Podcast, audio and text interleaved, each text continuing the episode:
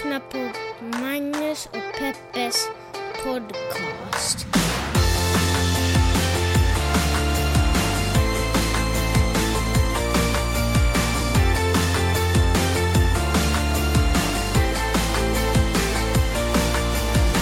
Hallå där internet och hjärtligt välkomna hoppas jag att ni känner er till den här podcasten. Den här podcasten som heter Magnus och Peppes podcast.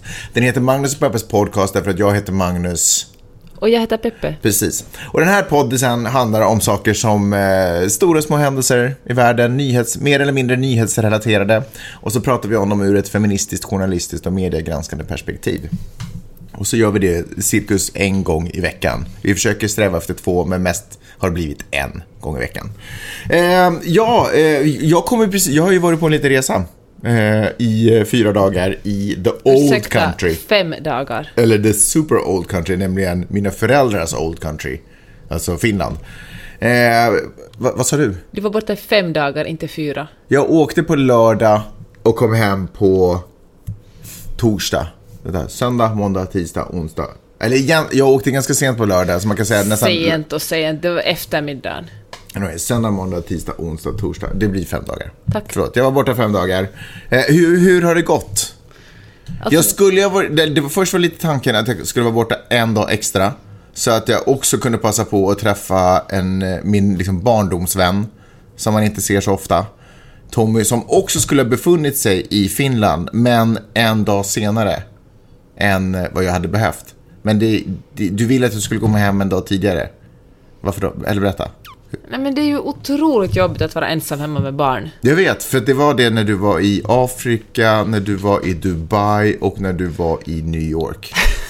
Så jag vet att det är ganska jobbigt att vara. Ja, men det är jobbigare för mig än för dig. Jaha, varför då?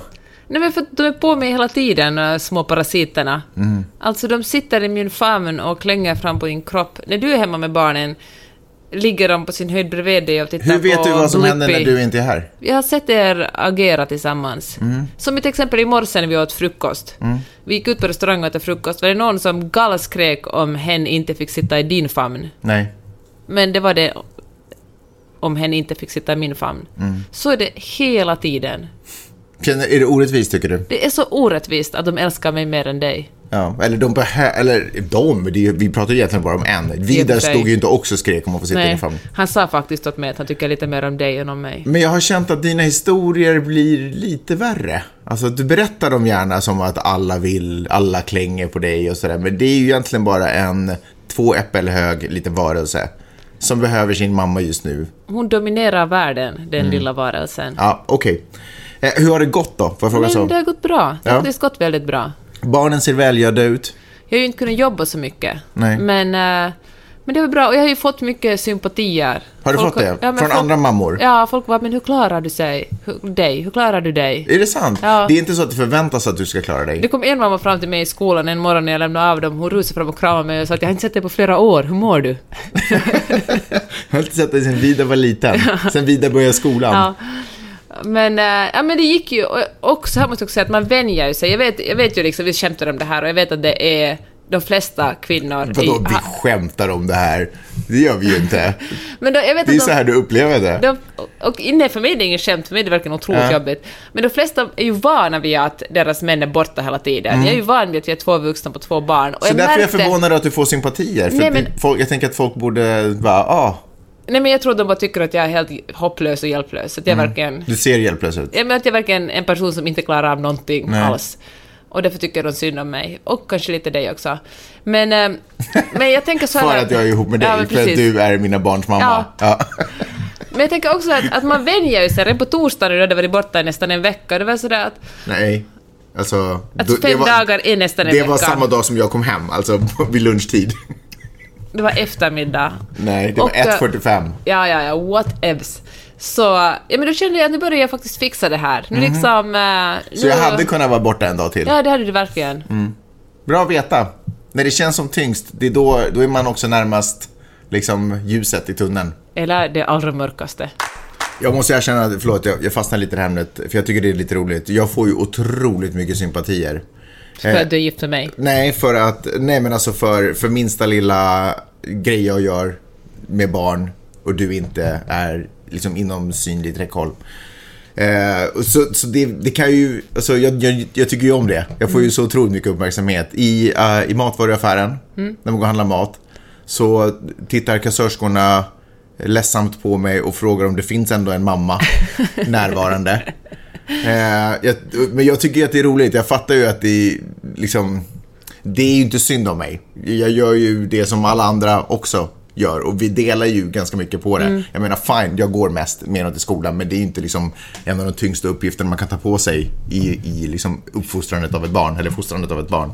Men jag tycker ändå om hur när du är borta då, då har jag liksom ett team på fyra, fem familjer som är redo att göra vad som helst. Så där behöver du hjälp med någonting, vi kan ta barn, liksom vi kan ta Vidde och leka med honom om du behöver liksom ha lite tid med Miley eller kom över med hela familjen och gå och ta en kaffe under tiden. Så, du vet, var det så för dig att folk, Nej. ingenting sånt? Ingen. Nej. En galen mamma ville visserligen träffa mig och tala om sitt sexliv med mig, men det Ja, var men den enda supporten jag fick. Och det var, kändes mer som en... Alltså jag Det blir ju ännu jobbigare. Men vet du, hon, hon, bara, hon tog mig och sa att jag vill väldigt gärna ta en kaffe med dig. Jag bara Mm. att jaha, hon är en ensam person som behöver mitt stöd.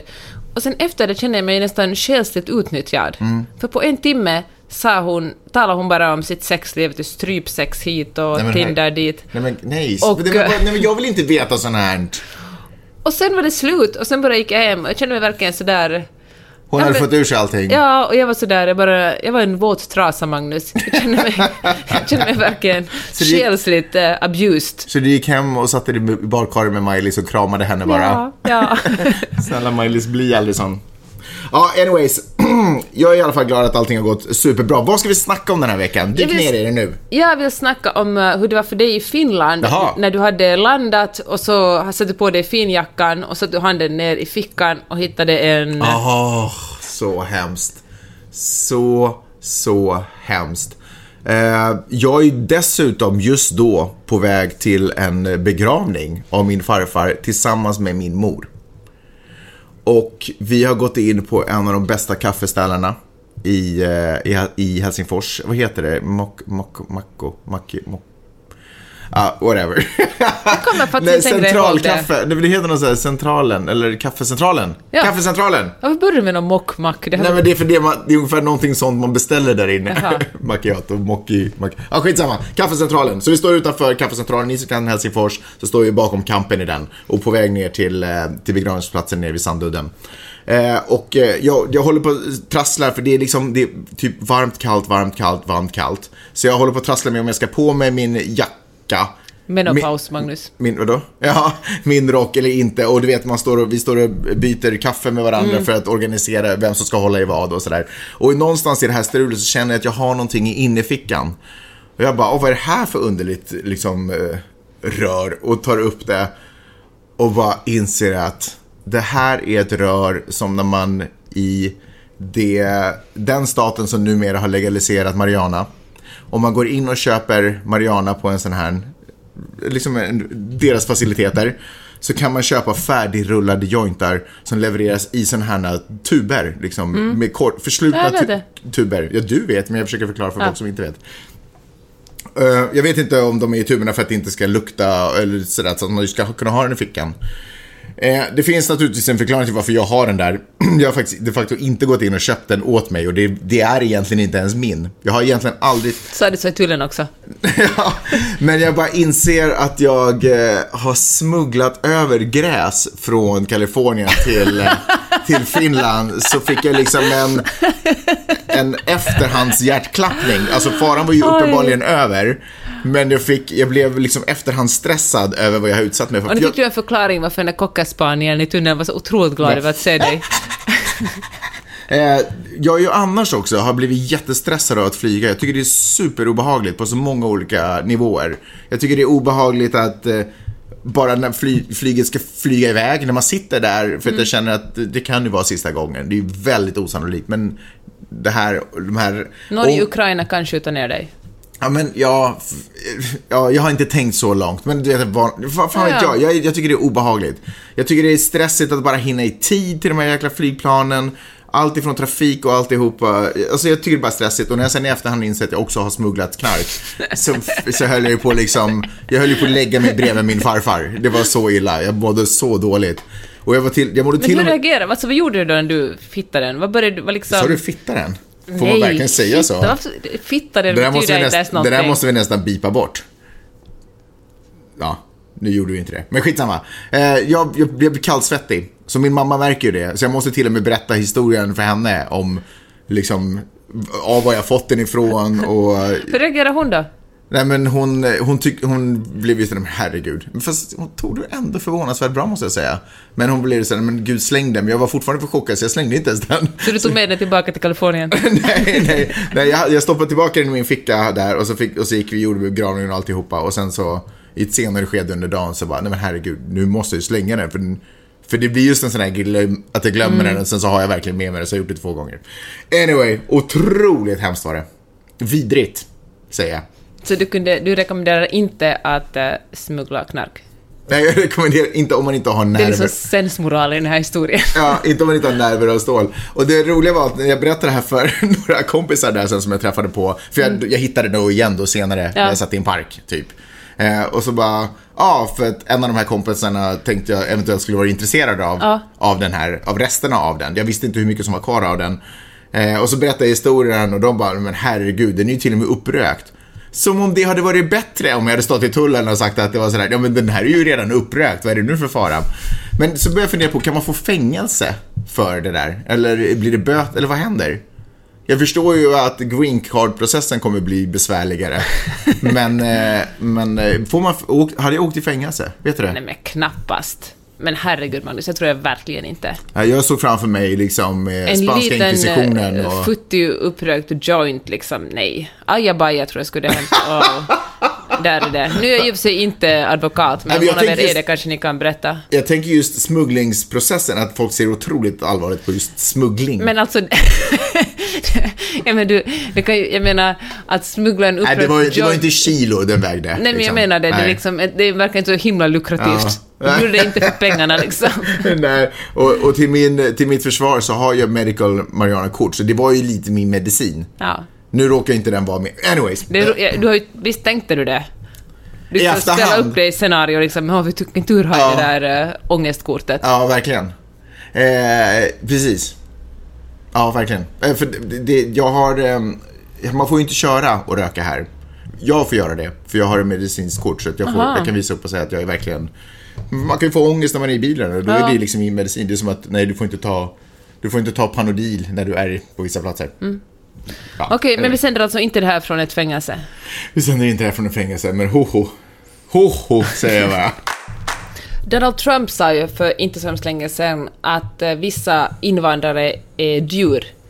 Och sen korrigerade han det efteråt och sa att han menar eh, speciellt så här supervåldsamma gängmedlemmar från MS-13 eller något sånt heter väl, något så här Mm. jättevåldsamma gäng. Men eh, jag tycker För det... en del av de stackars papperslösa som kommer hit är svårt att hitta plats i samhället för de är kriminaliserade direkt i och med sin, liksom, sitt inträde. Eh, så då är, det, är de ju ett lätt byte för kriminella gäng att värva. Ja, men speciellt om man är ung och- och, inte... Så speciellt man behöver ett sammanhang Ja. och så finns det någon som välkomnar dig. Och det är väl speciellt vanligt om man kommer från El Salvador, Honduras eller eh, Guatemala. Och det är ett otroligt aggressivt gäng ska jag tala om. Ja. Eller kan jag Men om. hur aggressiva de än är, är de fortfarande människor. Jag tycker det är så... Jag vet att det har förklarats om igen och han menar våldsamma personer, blodtörstiga, men man kan, man kan inte börja dela in folk i uh, djur och människor. Säga att du är, en, du är ett djur eftersom du är så här våldsam, för då blir det en, som man säger, en slippery slope. Var drar man gränsen då? Vem är tillräckligt våldsam Fast för att det är, kallas djur? man inte lite hård nu? Skulle inte du kunna ha sagt att de beter sig som djur? Fast, um, nej. Skulle du inte? Nej, det skulle jag faktiskt inte de ju. Det gör de väl ändå? Hur beter de sig som djur? Därför att de lever i en lite sån här mytologisk föreställning om att the survival of the fittest, det är liksom den, de starkaste överlever, de tar liv utan någon som helst pardon, saker som vi tillskriver eh, liksom djur, fast det kanske inte är rättvist fast tillskrivet. de är ju kanske inte de enda som gör det. Nej, nej. jag vill på något inget sätt försvara dem, men jag tänker att då flörtar man lite väl mycket med någon slags rasbiologi där det finns människor som inte är djur, som är Fast- riktiga människor, människor Fast jag som verkligen tror inte djur. Att, tror du inte, trots Donald Trumps eh, liksom begränsade intelligens, tror inte att han också förstår att de, inte, att de de facto inte är djur till skillnad från människor. Nej, såklart fattar jag det, men jag menar det att om man börjar kalla det, också delar man in människor i olika klasser. Det gör man ju redan nu liksom i samhället. På... Men menar du, där är vi som vi pratade om tidigare, om det finns bättre och sämre människor. Ja. Är de lika bra? Är de, är, de, är de bra? Är det här bra människor? Ja, det är Jag förstår subjektivt. om- De har sam... Men de har ett människovärde. Det har de. Alla människor har ett värde, oberoende vad man gör, hur man än är, så är man ändå en... Vi måste ju komma överens om att alla människor har ett värde. Fast om de har avskrivit andra människor värde, är det relevant huruvida de själva har ett människovärde då, eller inte? Och dessutom är det inte så att Donald Trump har sagt sådär, vi jag avskriver er människovärdet, vi kommer döda er som, eh, som de djur vi inte tycker om. Ja, men det gör man. Dödsstraffet finns ju i väldigt många stater här i USA. Man, dödar, man tar ju livet av människor. Också. Ja, fine, fair enough. Ja, men, jag, menar tycker att just det är ett här fallet. Ja, men jag tycker faktiskt, till och med det här fallet, jag tycker att det är ett ovärdigt språkbruk att kalla någon för djur. Jag tycker att det är... Ja, men jag tycker faktiskt det är farligt att säga att det här är, det här är, inte, det här är inte människor. Och det faller ju perfekt in i retoriken kring att säga att folk som kommer från från den här eh, våldsamma triangeln, och, eller som just i Guatemala, El Salvador och, och Honduras, att de är inte välkomna in i det här landet för de är, de är våldsamma, de är, de är inte människor. vad heter det, det är ju inte helt opopulärt på uh, gatucoolhetsnivå att tillskriva sig själv att vara en hund. Snoop Dogg tänker du på nu va? Han är ju ett exempel på detta. Han är ju inte den enda och inte den som kom på det. Men att de är hundar. Men det är ju faktiskt en helt annan sak att kalla sig själv någonting eller att kalla någon eller annan att bli någonting. kallad för någonting. Ja, Samma vet, gäller väl n-ordet också. jag hörde det där också. Jag tycker inte att det är snyggt när man pratar om människor som kommer in generellt. Men om man pratar specifikt om otroligt våldsamma människor. Som, eh, jag, jag, jag tror inte att han menar att de är djur. Jag tror att, men det här är ju det som alla gör med Donald Trump. Jag tror inte han menar det. Han Nej. menade säkert det här. Men just i det här fallet så skulle jag, jag är benägen att hålla med om att de beter sig som djur. Ja, men det finns väl ett Det finns ingen mänsklig sätt. värdighet Nej, i men det de ägnar sig åt. Fair enough, men det finns ju också en förklaring. Jag tycker också att det vittnar om någon slags historielöshet. För då kommer det sig att det finns så här enormt våldsamma gäng i då El Salvador och i, de- i de här länderna. Ja, men det handlar... Ja, absolut. Det finns ju liksom en... Och USA är ju inte helt oskyldig till den Nej. historien heller. Så jag tycker att... Eh, och jag tror inte heller att man gör det bättre genom att eh, inte inkludera folk i USA. Ja. Fast vadå, hur ska han inkludera? Han, för det första har han ju, han har ju gett sig fasken på att han ska utrota MS-13-gänget. Eh, och så. Och det är ju inte, han är inte den enda presidenten. Fast det här talet handlar ju inte specifikt om MS-13, det var Nej, en men- efterkonstruktion. som- Nej, fast eh, vadå? Är det efterkonstruktion som, ja för att han pratar om invandrare som ett djur. Men han kan ju mycket väl ha tänkt de här för att han har ju haft en hang-up på dem tidigare. Ja, fast det är igen en sån här förklaring med att han menade egentligen det ena och det andra. Då får han väl uttrycka sig klart. Alltså jag tror jättemycket på värde i det som en president säger, att presidentens ord måste vara väldigt tydliga. Det ska inte vara liksom flummigt och, och men han menar det här igen. Han Men sa en sak men han menar en annan. Men kolla här, alltså. Han vill ju inte ha hit eh, invandrare från Sydamerika. Han vill alltså inte ha vi- icke-vita in hit. Också sant. Eller men, folk från shithole countries. Fast vänta, om vi bara fokuserar, ja exakt. Men Sydamerika var väl inte en del av shithole countries ändå? Det är ju en helt annan, det är ett helt annan, Fast nu talar vi inte om. Sydamerika. Jo, det gör vi ju. Vi talar om Centralamerika. Guatemala, El Salvador och Honduras är inte Sydamerika. Fine. Fine, fine, fine, fine. Men okej, Centralamerika. Men de var inte en del av shithole countries. Nej. Nej, exakt. Så, så vi håller isär vad vi pratar om. Så när han pratar om de här, de här fallen där folk kommer från de här länderna. Så jag är helt övertygad om att det inte har några som helst problem med att det kommer in folk så länge de liksom glider in, får ett låg, eh, underbetalt jobb och, och du vet, servar den vita populationen av Amerika. Jag, har inte, jag, har, inte- jag tror inte att han har några som helst problem. Han har ju problem och han spelar ju på de här rädslorna som alla andra människor har, nämligen de som kommer hit och blir superfarliga förbrytare. Vilket ju inte naturligtvis majoriteten. Säkert inte ens nära på majoriteten. Nej, men herregud, det är ju man, ja, ja, men förstås. Men han har haft, länge har ju haft en hang-up på de här M16, nej förlåt M13-gänget som de facto är väldigt farliga och som de facto rekryterar unga pojkar huvudsakligen som kommer in. Fast nu har det blivit mer och mer tjejer också jag förstått. Men unga individer som kommer hit ifrån, från Centralamerika. Och att han vill utrota M13 kan väl inte vara en dålig agenda. Nej, det är helt okej att försöka, försöka få folk att bli mindre våldsamma och utrota, ett, utrota och också vidrigt om att alla människor, måste Nej, säga. vi pratar om gängbildningarna. Ja. Men, Det är de vi pratar men om, det, men inte jag, det som jag menar, hans retorik, när man börjar tala om att de här människorna är djur, det här är liksom, när man säger djur kan man, djur har, djur har andra rättigheter än människor i samhället. Och hur våldsamma man är, än är hur vidrig som människa är, måste man ändå utgå från att alla människor Jag har bara ett tänker, värde. vill inte du haka, haka fast vid att han sa just djur? Att han sa de här är djur. Ja, jag, jag, Och så var det otydligt Okej, vad det det var han kanske kan syftade handla på. om att jag just nu håller på att läsa en roman som utspelar sig i, eh, på ett koncentrationsläger som är extra känsligt för den här retoriken. Okej. Du vet, det som man konsumerar kanske på något sätt påverkar ens, eller garanterat ens, ens världssyn. Och därför tycker jag att det extra obehagligt att, eh, att han just använder det. För då såg man ju också romer och judar och homosexuella och alla som inte var arier som, som just djur, som kackerlackor och mindre värda. Precis. Och då liksom, det, det råkar, det kanske de här, den här kommentaren råkar bara komma parallellt när jag läser den boken. Och nu vill jag, det var, jag läste någonstans, någonstans så här att, att History doesn't repeat itself, it rhymes. Och jag menar liksom inte att vi lever, att allt som har hänt under Nazityskland kommer att hända nu exakt på samma sätt. Men äh, historien liksom upprepar sig inte med den rimmar. Jag tycker det var ganska snyggt sagt. Att, äh, att man behöver liksom inte helt blunda för om man ser liknande tecken i att dela upp människor i, i, i olika som olika värdefulla. Världen kan typ gå i samma fotspår utan att det kommer en person till som heter Hitler och gör exakt samma sak. Ja. Ja, jag fattar det också. Eh, tyvärr så tror jag att det är så att man måste... Donald Trump är inte verbal och han är nyckfull person. Och jag tror att lite måste man cut him some slack när det kommer till vad vi dömer, för vilka uttryck vi dömer honom för. Det är inte idealiskt, men det är några år till bara. Sen så Fine. behöver vi inte ha den här Jag diskussionen. håller mer. med om att, att det kanske är dumt att, att fastna, dra in den stora växeln på någonting han säger, utan mera Jag tycker Shithole konkret. Countries är till exempel en aning, eller något värre, ett no, fruktansvärt mycket, eller eh, ett åt helsike mycket mer värde sätt att uttrycka sig på. Ja, fast det är också farligt att man börjar, om vi sätter ner en massa diskussion på att diskutera hur farligt ett visst uttryck var. Jag tycker att allt som, som, allt som skiljer sig från det som är det normala tycker jag vi ska vara upprörda för. Men sen kan jag hålla med dig om att vi borde faktiskt kanske se ännu noggrannare på sådana policies, vad heter det, alltså sånt som lag, lagar som verkligen går i kraft. Nu till exempel, jag lyssnade, körde upp till stallet i fredags och lyssnade på, på Pod Save America såklart, och så tar de ett, ett segment där de talar om, som heter Under radarn, Ja. där de talar om sånt som de tycker är viktigt men som inte kommer upp på de... Du vilken tur att jag förklarar vad under radarn innebär. I alla fall, sånt som inte kommer upp på de stora rubrikerna.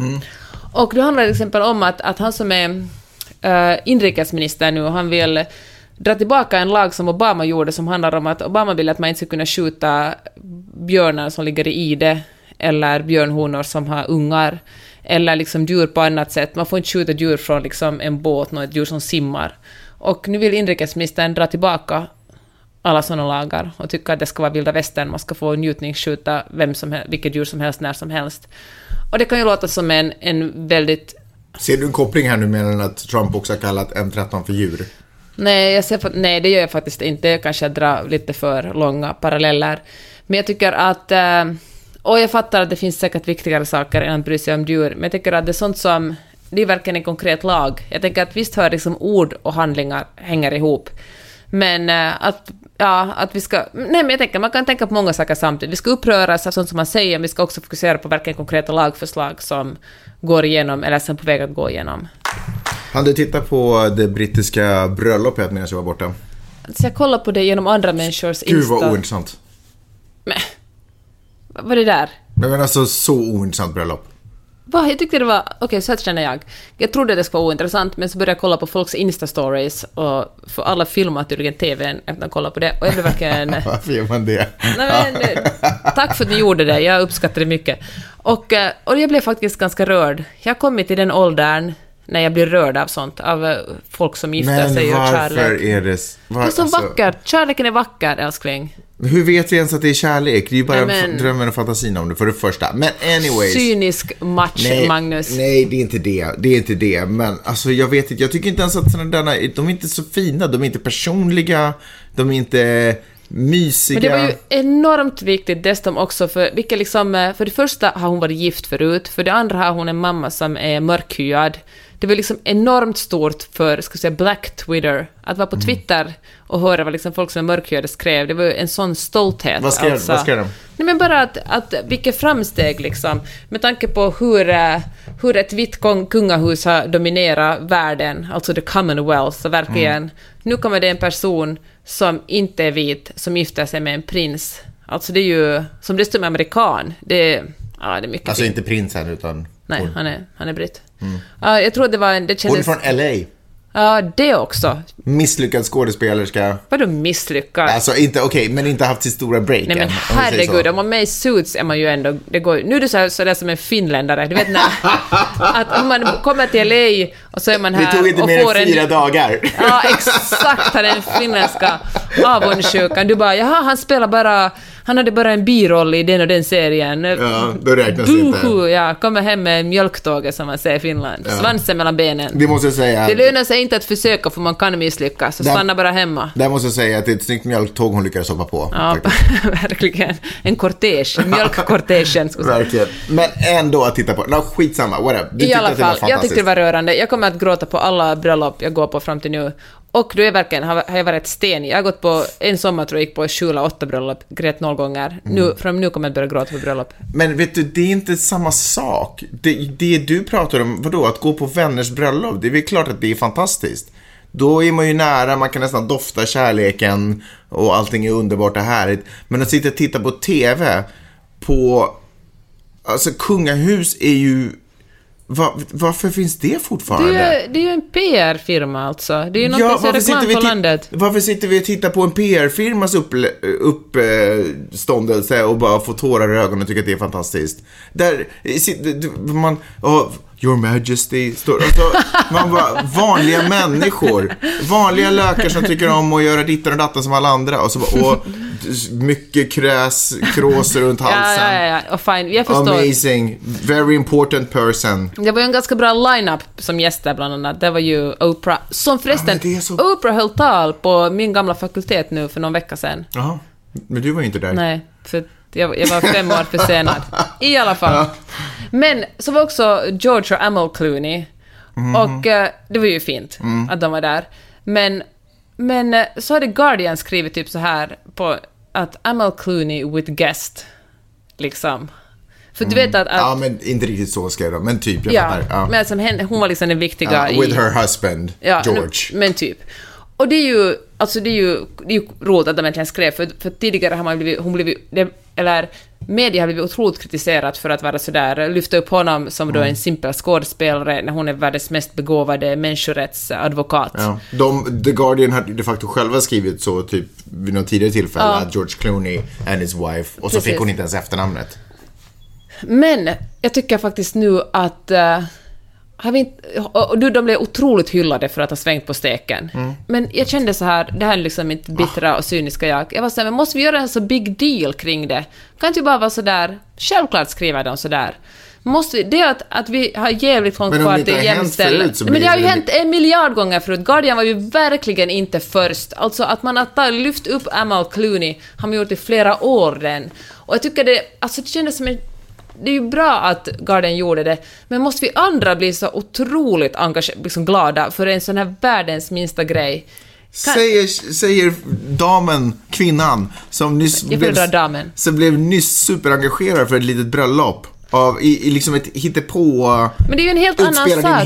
Nej, men kan inte, vara, kan inte vi låtsas att vi lever i en värld där det är helt självklart att en människorättsadvokat med en otroligt bra resumé presenteras vid namn och efternamn? Jo, men för att det vi- borde väl inte vara världens konstigaste sak och världens liksom... Vi behöver liksom inte korka upp champagnen bara för att en sån sak sker. Det, så, så är det, så är Fast det om en, normalt. tendens, om en tidning väljer att göra på det sättet när den populäraste figuren av de två ändå är George Clooney. Men Guardian är ju verkligen inte först med det är liksom, de är ju verkligen inte först med att göra det någonsin. Det är, liksom, det är som om de skulle vara den första tidningen som har hittat på att lyfta upp henne. Ska inte, de säga, ska inte du säga att när det kommer till att presentera, presentera de två personerna, det paret, Att de inte är en av de första som presenterar henne först och inte ens använder Nej, Clooney's efternamn. verkligen inte. Jag ska leta upp en massa andra och lägga upp dem på Facebook-sida så får du se. Men uppenbarligen är det tillräckligt ovanligt för att vi alla ska reagera på det. Ja, jag tycker det är jävligt tråkigt att, Nej, det, är men så, att det ska vara en så jävla stor grej. Nej men första gången någonting fantastiskt händer så finns det väl anledning Men att det fira är det. ju inte första gången. Fast typ första gången det har fått ett genombrott, första gången det blev mainstream, inte vet jag. Men även fast du har lusläst varenda jäkla tidning och lyckats hitta några andra exempel som motsvarar det, så har ju uppenbarligen inte den stora publiken, den stora massan, som trots allt är den massan som får saker och ting att jag förändras. tycker i alla fall att det är jävligt tröttsamt att vi inte kommit längre i jämställdheten, att det ska verkligen vara en sån här Men sak så ska gud vi vara så att negga över det! Ja, Ett fantastiskt statement och så sitter du här och neggar. ja, jag, tycker det, jag tycker att vi borde ha kommit längre. Jag tycker det borde vara en självklarhet. Ingenting att poppa champagne för. Puss slut. Tycker du, är du royalist? Vilket är ju underligt för du är ju inte Royalist. Du får ju inte, du får inte välja. Men alltså, tycker du att kungahus och sånt är, är liksom bra sak, saker vi ska ha? Nej, alltså jag tycker det är otroligt konstigt att man kan ärva en titel. Men är det inte helt flipping insane att det sitter en nästan hundraårig tant och har en helt annan status än alla andra hundraåriga tanter? Alltså. Det är ju, jag håller verkligen med och dig. att folk typ så här är lite rädda och nervösa och hon kan glida in. Alltså jag tycker det är coolt att hon är tant och att hon, att hon har lite power. Det är, Dam. det är på något sätt dam. Men det, det är typ coolt. Men att liksom... Ja, men att hon har en titel hon inte har gjort sig, hon har inte gjort någonting för att förtjäna den egentligen. Men hon har, hon har du har uppenbarligen inte kollat på The Crown. Jo, men jag säger, jag säger inte att hon inte under sin livstid har levt upp till Mm. titelns förväntningar. Men när hon föddes så var liksom, Nej. det var meriten. Ja, Förstår du vad jag ja, menar? verkligen. Det var henne, ja, exakt. Alltså jag håller med dig, jag tycker det är otroligt Och skumt. massa människor som redan när hon var litet barn bara ah, stod och bugade till höger och vänster och bara yes ma'am och your highness och eh, kommer med fruktfat när hon vill ha det. Och, och, alltså det är inte det sinnessjukt. Nej, det är ju det. Det är verkligen... Och så pratar vi om att sådär, ja men Donald Trump eh, pratar om MS-gäng, de, de, de ska man inte kalla för djur för att vi ska, vi, vi har alla ett människovärde. Är Uppenbarligen har vi ju inte alla ett människovärde. Vi har redan, det är så otroligt viktigt för oss den här bröllopet. Och det tyder ju på att jag och du är inte lika viktiga som hon. Så hon och jag har inte samma människovärde. Men alltså det är ju underhållning. Det vi kollar ju på det på samma Inte sätt som folk kollar på sport inte. och liksom Ah, ah, ah, TV-serier. Ah, ah, ah, ah, ah, ah. You didn't say the magic word. Det är inte alls underhållning. Det är det det inte är. Det är ju exakt det är vad det är. För blodigt dessutom har. Donald Trump ganska mycket mer politisk makt än uh, konungadrottningen. Konungadrottningen? Drottningen? Drottningen av England? Ja. Skulle du verkligen Det säga skulle det? jag verkligen Om säga. hon skulle flippa, tror du inte att... Eh, att Vad eh, innebär vadå flippa? Nej, men hon bara- Kalla folk djur liksom. hon, får en, hon får en fix idé att nu drar vi åt det här hållet. Tror du inte att världen skulle vara så här wow, och så bara gå åt det hållet? Nej, det tror jag faktiskt inte. Jag tror så här. Om de två skulle träffas så skulle Donald Trump buga sig och säga your majesty till henne. Hon skulle inte buga Men vad sig är det eller för en niga. politisk jo, men det har, väl, konsekvens? det har väl verkligen, det handlar ju om vem som har mest värde. Nej, men alltså, alltså Donald Trump kan starta ett krig. Drottningen måste gå igenom liksom, parlamentet för att kunna skapa ett, ett krig. Jag menar, en- en president Men i alltså, det USA... måste ju Trump också. Nej, alltså en president i USA har enormt mycket mer makt än en drottning i eh, Storbritannien. Alltså, fan det där med Men att... vänta, nu pratar du bara om makt som den som kan vara den som, den som har tillåtits att vara mest aggressiv. Ja, men den som Men kan göra, den som kan få mest gjort politiskt, ja, den som kan sprida mest handlingar. Alltså som har fler, fler liv i sina händer, Jag tror, säga att, så. jag tror att eh, drottningen av the Commonwealth har otroligt stor påverkan på människorna. Nej, det tror inte jag. Tror du inte? Nej. Ha.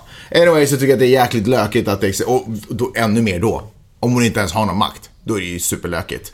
Vad glider hon runt där i sina Men där sitter stora du hattar? svensken. Ska du börja med att kritisera men Carl Gustav tycker- och Silvia... Silvia. Sylvia. Nej, men jag tycker att det är otroligt. Silvia. Jag tycker att det är otroligt lökigt att vi har... Jag, jag kan se hela PR-grejen, att behålla Sverige som någon form av sagoland i all denna misär. Och de gör ju inte en fluga för när på det sättet. Men det är ju en otroligt lökig institution. Mest lökigt är ju egentligen inte ens de själva. Utan det är alla andra hottentottar som springer runt eh, omkring och bara åh, jag är en del av kungahuset, åh jag känner, du vet folk som bara jag känner och jag är och jag får gå och det- jag får synas och jag får också ha frack. och kravatt. Alltså det är ju det lökigaste. Och det är ju liksom för att de måste ju finnas för att om ingen annan bryr sig så då saknar ju de också lite ett värde. Jag tror egentligen om jag ska vara helt ärlig, svenska kungahuset är ganska chill gäng. Om jag ska vara helt ärlig. Jag Säger tror- du bara för att du vill hänga med dem? Nej, Du säger det för att. Victoria kanske lyssnar på den här podden. Hon bara... Hej Magnus, jag hörde vad du sa. I'm just saying. Nej, men alltså. Nej, så är det verkligen inte. Men det som är löket för mig är ju alla andra som tycker att det är så viktigt så de börjar bete sig underligt liksom. Det tycker jag är helt sämst på jorden. Ja, jag håller med. Hej! Har du frågor och kommentarer så kan du mejla min mamma och pappa på Magnus och Peppe snabel A, gmail.com. Gör det!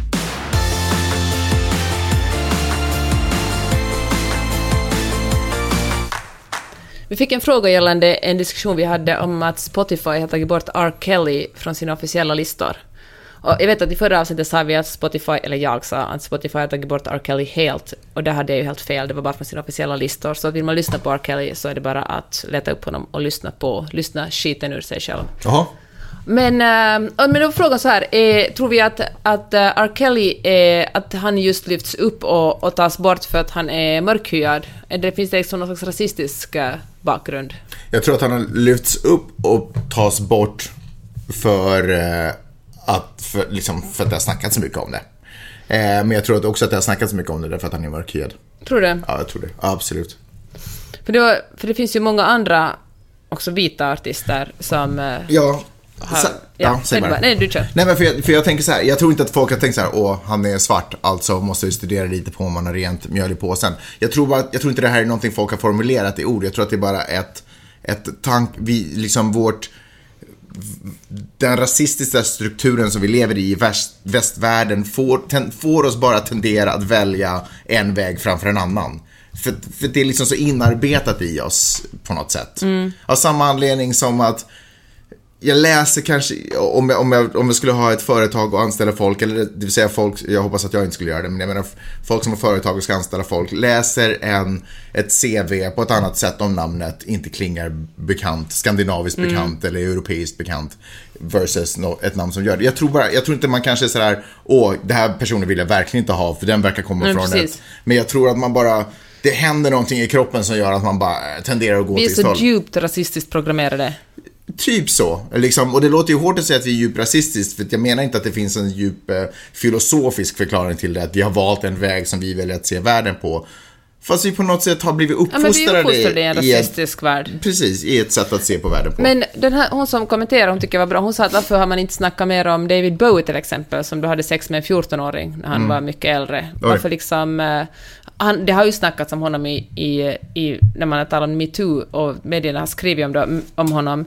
Men det är ju inte så att all hans musik har tagits bort eller liksom... Nej.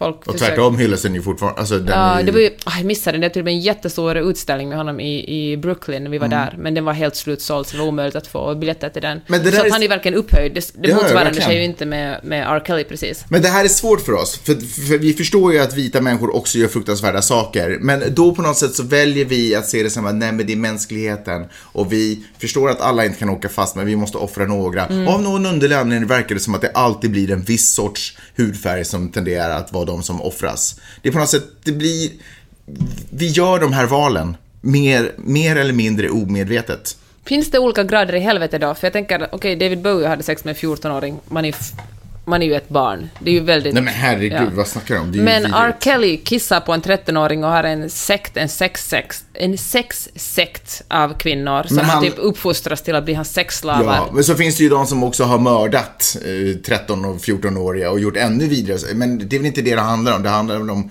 människors störningar och saker vi accepterar i samhället och inte accepterar i samhället. Det, inget av det här är okej. Sen är det ju bara grader i helvetet på något sätt. Mm. Men vet du vad, får jag ta nu när du pratar om det här. Eh, för det finns, jag kom på ett närmare exempel. Eh, Du vet att eh, true crime-grejen är stor förstås. Får jag bara säga hur ja. mycket jag hatar true crime? Jag tycker att det är så vidrigt. Vadå som... Eh, Som genre, att man lyssnar på podcaster och ser att Netflix gör filmer och att det liksom... Att varför hatar du true crime? för att det är riktiga brott, det är människor som verkligen vars nära, som blir mördade och vars närstående blir mördade och för oss är det underhållning. Vi liksom... Är det inte mer skruvat att sitta och hitta på diktade berättelser Nej. om mord än att Tvärtom använda tänker sig av det att, som är nej, jag verkligheten? tänker att, att diktade berättelser är för oss på något sätt ett sätt att eh, bearbeta skräck för att någonting hemskt ska hända. Det är ett sätt att på något sätt eh, att, att, eh, att om man liksom, det är så här kognitiv terapi. Mm. Att om man läser om det värsta eller konfronteras på, en, på ett ofarligt sätt med det, värsta så har man lättare att leva i en vidrig värld. Ja, fan vet du vad, jag håller, Men- jag håller helt med dig. Men, ja, men att, eh, men att liksom använda, använda riktiga människors eh, ja, men olycka som för sin egen underhållning tycker jag är... Ja, men det, det är obehagligt tycker jag. Jag eh, satt och kollade på en dokumentärserie. Vet du vad, man kan inte ens kalla det för dokumentärserie, för det är ju true crime. Alltså det är någon form av infotainment. Eh, serie på Netflix som heter eh, Evil Genius. Som handlar om ett helt absurt eh, brott som utspelar sig i Pennsylvania. I en stad som heter Erie. Fast inte med två E, men bara det att den heter läskig på något sätt. Det är ju skitkonstigt. Anyways, men någonstans i när jag satt och tittade på det där så bara slog det mig att herregud, 2018 jag, ville, jag önskar att jag, skrev en, att jag skrev dagbok för då hade jag skrivit in 2018 insåg jag att vi har kommit så långt i vår... Eh, nej, vi har, vi har kommit... Okej, idag lever vi i en värld där inte ens uppdiktade brott är tillräckligt med underhållning. Vi måste gå till brotten, de riktiga brotten. Källan till de riktiga brotten för att bli underhållna. Men sen så på något sätt när jag satt där och tänkte att åh gud vad skruvad världen har blivit och vad bra jag är som människa som har huvudet på skaft. Så slog det mig att eh, giljotineringar och eh, officiell, eller offentliga Avrättningar. avrättningar var ju största underhållning på 1700-talet. Ja, men då så. Nej, men jag bara menar att det, det här är inte... Jag, jag tycker det är vidrigt, men... Men, men eh, om... Det verkar vara drag i mäns, människa. Verkar, människan verkar Nej, vara men det där tycker jag är ingen bra förklaring. det, det var ingen förklaring, det var bara en insikt som slog mig. Ja, jag att det här är inte nytt. Det här är inte så att världen har blivit en, en sämre och mer fruktansvärd Nej, plats. det tror jag inte. Jag tror att världen blir lite bättre hela tiden. Jag är team Hans Rosling där. Men jag tror ändå att vi, vi kan liksom inte använda argument som att säga att men det här gjorde vi redan då. Mm. Det faller sig naturligt för människan. Jag tycker att tvärtom måste vi granska oss själva hela tiden och förs- försöka säga att är det här okej, det här är inte okej. Sen kan det vara att min åsikt, det här är ju min åsikt, vad jag säger om true crime, det är liksom ingen Mm. allmän sanning. Folk får fan tycka vad de vill liksom om det. Men, eh, men, eh, ja. Men hör, är inte det här berättelser om monster? Och är inte Ja. sådana berättelser alltid kittlande och fascinerande? Verkligen. Det är, ju, det är ju sånt som har Ja. hållit våra barn från att springa i skogar för vi har haft Näcken och vi har haft troll och... Men Näcken är inte på riktigt och Troll är inte heller på riktigt. Nej, jag fattar, fast det visste vi ju inte då. Ja, mm. Också lite så. Fan, men det finns, Nej, men det fatt- finns fiktiva historier Jag vet, om men vi går ju inte på dem längre. Förstår du vad jag menar? Att det här är ju berättelsen om riktiga monster. Ja. Och det är ju, jag, jag liksom... Det Jag- är någonting ofräscht i det, jag fattar. Men, men historien kanske inte är om morden, offren och så. Okej, om man absolut måste göra det, kan man göra så här då? Så, vad är det, hur, länge, hur länge är det? 60 år eller 80 år sånt innan som... ehm, copy, liksom. ja. Är det copyright liksom? Kan man göra så här, kan vi tala om Jack the Ripper och sånt som har hänt liksom, Mm. vars anhöriga till de offren har dött för länge sen Eller mera, någon... mera respekt av Ja. till anhöriga och så. Ja. Ja. Här var- Sen vill ja. jag, eller vad du skulle säga, det. Nej, jag, vet, ja, nej, jag ville tala om det, att jag vet att du klipper Anitas och, och Anspod. Och Precis, och de har ju någonting som varannan fredag kallas för Crime-podden. Ja. Och de blev ju faktiskt kritiserade för just det, för att de pratar om brott eh, och mord, inte, oftast, eh, och, och så liksom berättar de de detaljer de har snappat upp på nätet Mm. och hört på dokumentärer och alltihopa, och så kokar de ihop det till ett litet, ett litet paket och så presenterar de det Mm. varannan fredag. Och de blir ju kritiserade i någon artikel i någon av kvällstidningarna. Eh, Det var där, en insändare kanske till och med. Ja, okej, i en text. I, Mm. vad var det en insänd? Ah, okej, whatever. De blev kritiserade i en text i någon av kvällstidningarna. Eh, där det var sådär, den här crime, eh, den här true crime eh, ehm, genren Genren. tar inte hänsyn till brottsoffer och, och sådär. Och ibland blir fakta fel och det är ju ännu mer sårande och knäckande Mm. för för folk som är släkt med brottsoffer, eller kanske till och med brottsoffer Mm. som sådana som kanske har överlevt och, och du vet allt det där. Så de fick jättemycket kritik i det. Men för att knyta an till det vi snackade om tidigare om R. Kelly och, och den inbyggda rasismstrukturen så slog det mig när jag läste den texten Mm. att eh, av alla true crime Alla gör ju det. Det finns otroligt många poddar och tv-serier och böcker skrivna. Verkligen, verkligen. Men av alla som nämndes eller av alla som, där namn börjar droppas, Ja. så var det bara Lillelördags. Och av de två som gör Lillelördag, nämligen Anita Schulman och Hans Söderlund, så var det bara en av dem som nämndes och det var Anita Schulman. Och jag har inte hemskt svårt att se. Nu är ju Anita Schulman en flamboyant och liksom en, eh, en människa som syns och hörs och är ganska mycket ute där. Med det sagt så är Hans Söderlund inte en liten fågelunge heller som sitter uppe i trädet och är tyst.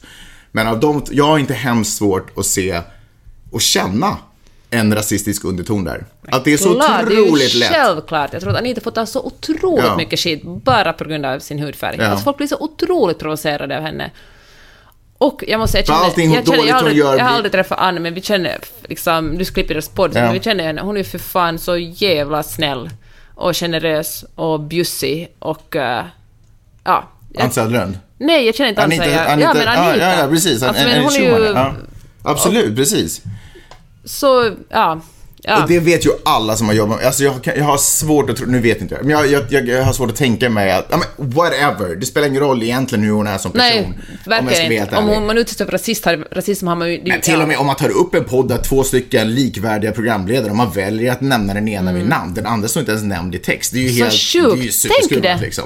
Och det är ju, det är ju bara liksom, det kan, jag kan inte se att det är någonting annat än resultatet av ett rasistiskt Ja. tänk, ett rasistiskt samhälle. Och att ingen, inte ens någon av redaktörerna som har gått igenom den här texten, om det nu var en kolumn eller vad det var, har noterat att vänta, varför är det bara Så den här som nämns ja. och varför är det bara den här personen av två? Ja, men du vet, så jag tror absolut, och jag kan, därför har jag inte heller svårt att svara på just R. Kelly-grejen. Mm. Jag tror att det är lätt att säga, nej, det är inte det. För jag har inte tänkt tanken själv. Jag, kanske när jag skrev texten om R. Kelly och bla bla, så tänkte inte jag att, åh, det här gör jag för att han är svart. Men jag tror att jag kanske fastnade för historien, om jag nu hade varit journalisten, Mm. för någon text om honom, vad jag menar. Så tror jag att jag fastnade för texten, eller fastnade för den historien, just för att han var den han var. Och jag kanske tänkte att ja, men det är för att han är en galen musiker eller det är för att bla bla bla bla bla. Men någonstans där inne så tror jag att det är de här rasistiska strukturerna Okej, som styr oss. essensmoralen, det här att vi tror alla att vi är neutrala på något sätt. Ja, att men- vi inte är påverkade av den här strukturella rasismen, eller det, här, det samhälle vi uppfostrade i, eller kulturen, att vissa människor är finare än andra och just de råkar vara vita. Men Ja. vi är alla det. För så här fungerar strukturer. Strukturer är inte liksom, det är inte tvång, jo, eller så här. Så här har jag sett strukturer. Strukturer är som att, eh, det är som ett nätverk på vilket vi föds. Det är som ett nätverk av, en infrastruktur av vägar och gångar. Och vi kan bara välja de vägarna och gångarna.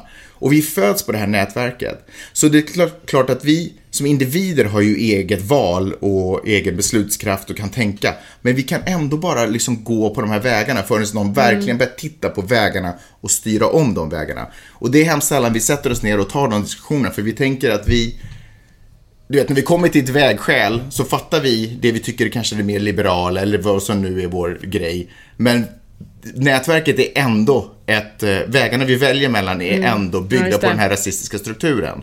Så hur vi än väljer på något sätt så kommer vi alltid göra rasistiska saker. Förstår du vad jag menar? Så vi måste verkligen sätta oss och titta på hur infrastrukturen är. Och det är ett mycket tyngre jobb.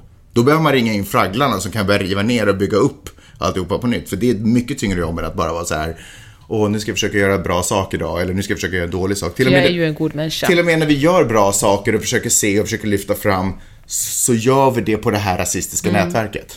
Eller stru- infrastrukturen. Och det är ju det som gör det så otroligt svårt. Bra förklarat, Magnus. Samma dag som du kom hem var det öppet hus på Vidars skola och du var så jetlaggad, du hade just hämtat dig från LAX så vi valde att inte gå. Men då... Jag fick göra det på kvällen så du valde att inte gå. Ah, Ja. fine, whatever.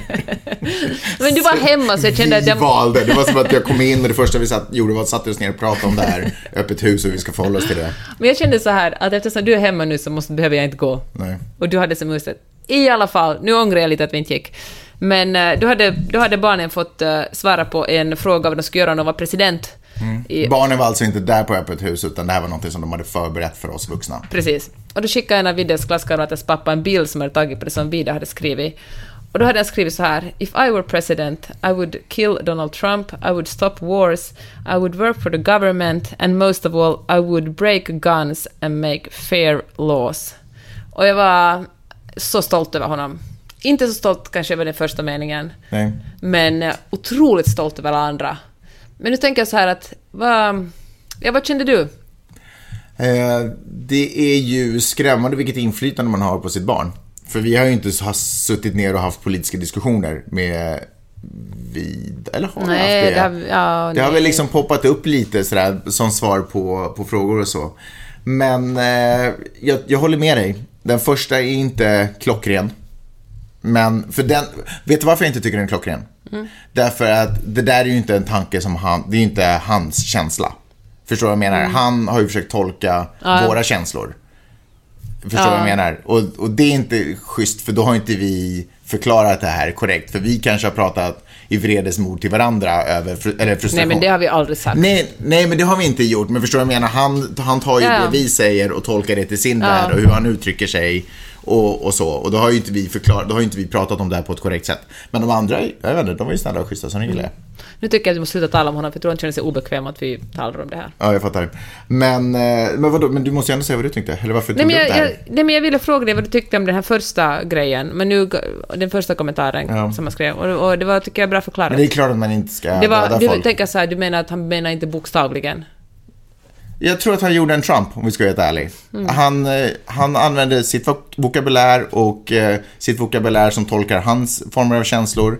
Hade det varit Trump så hade han sagt att I, I will turn him to an animal. Eller, men förstår du vad jag menar? Mm. det, han, ja, han gjorde så gott han kunde. Med, det, det är därför det är så otroligt viktigt att ha ett vokabulär.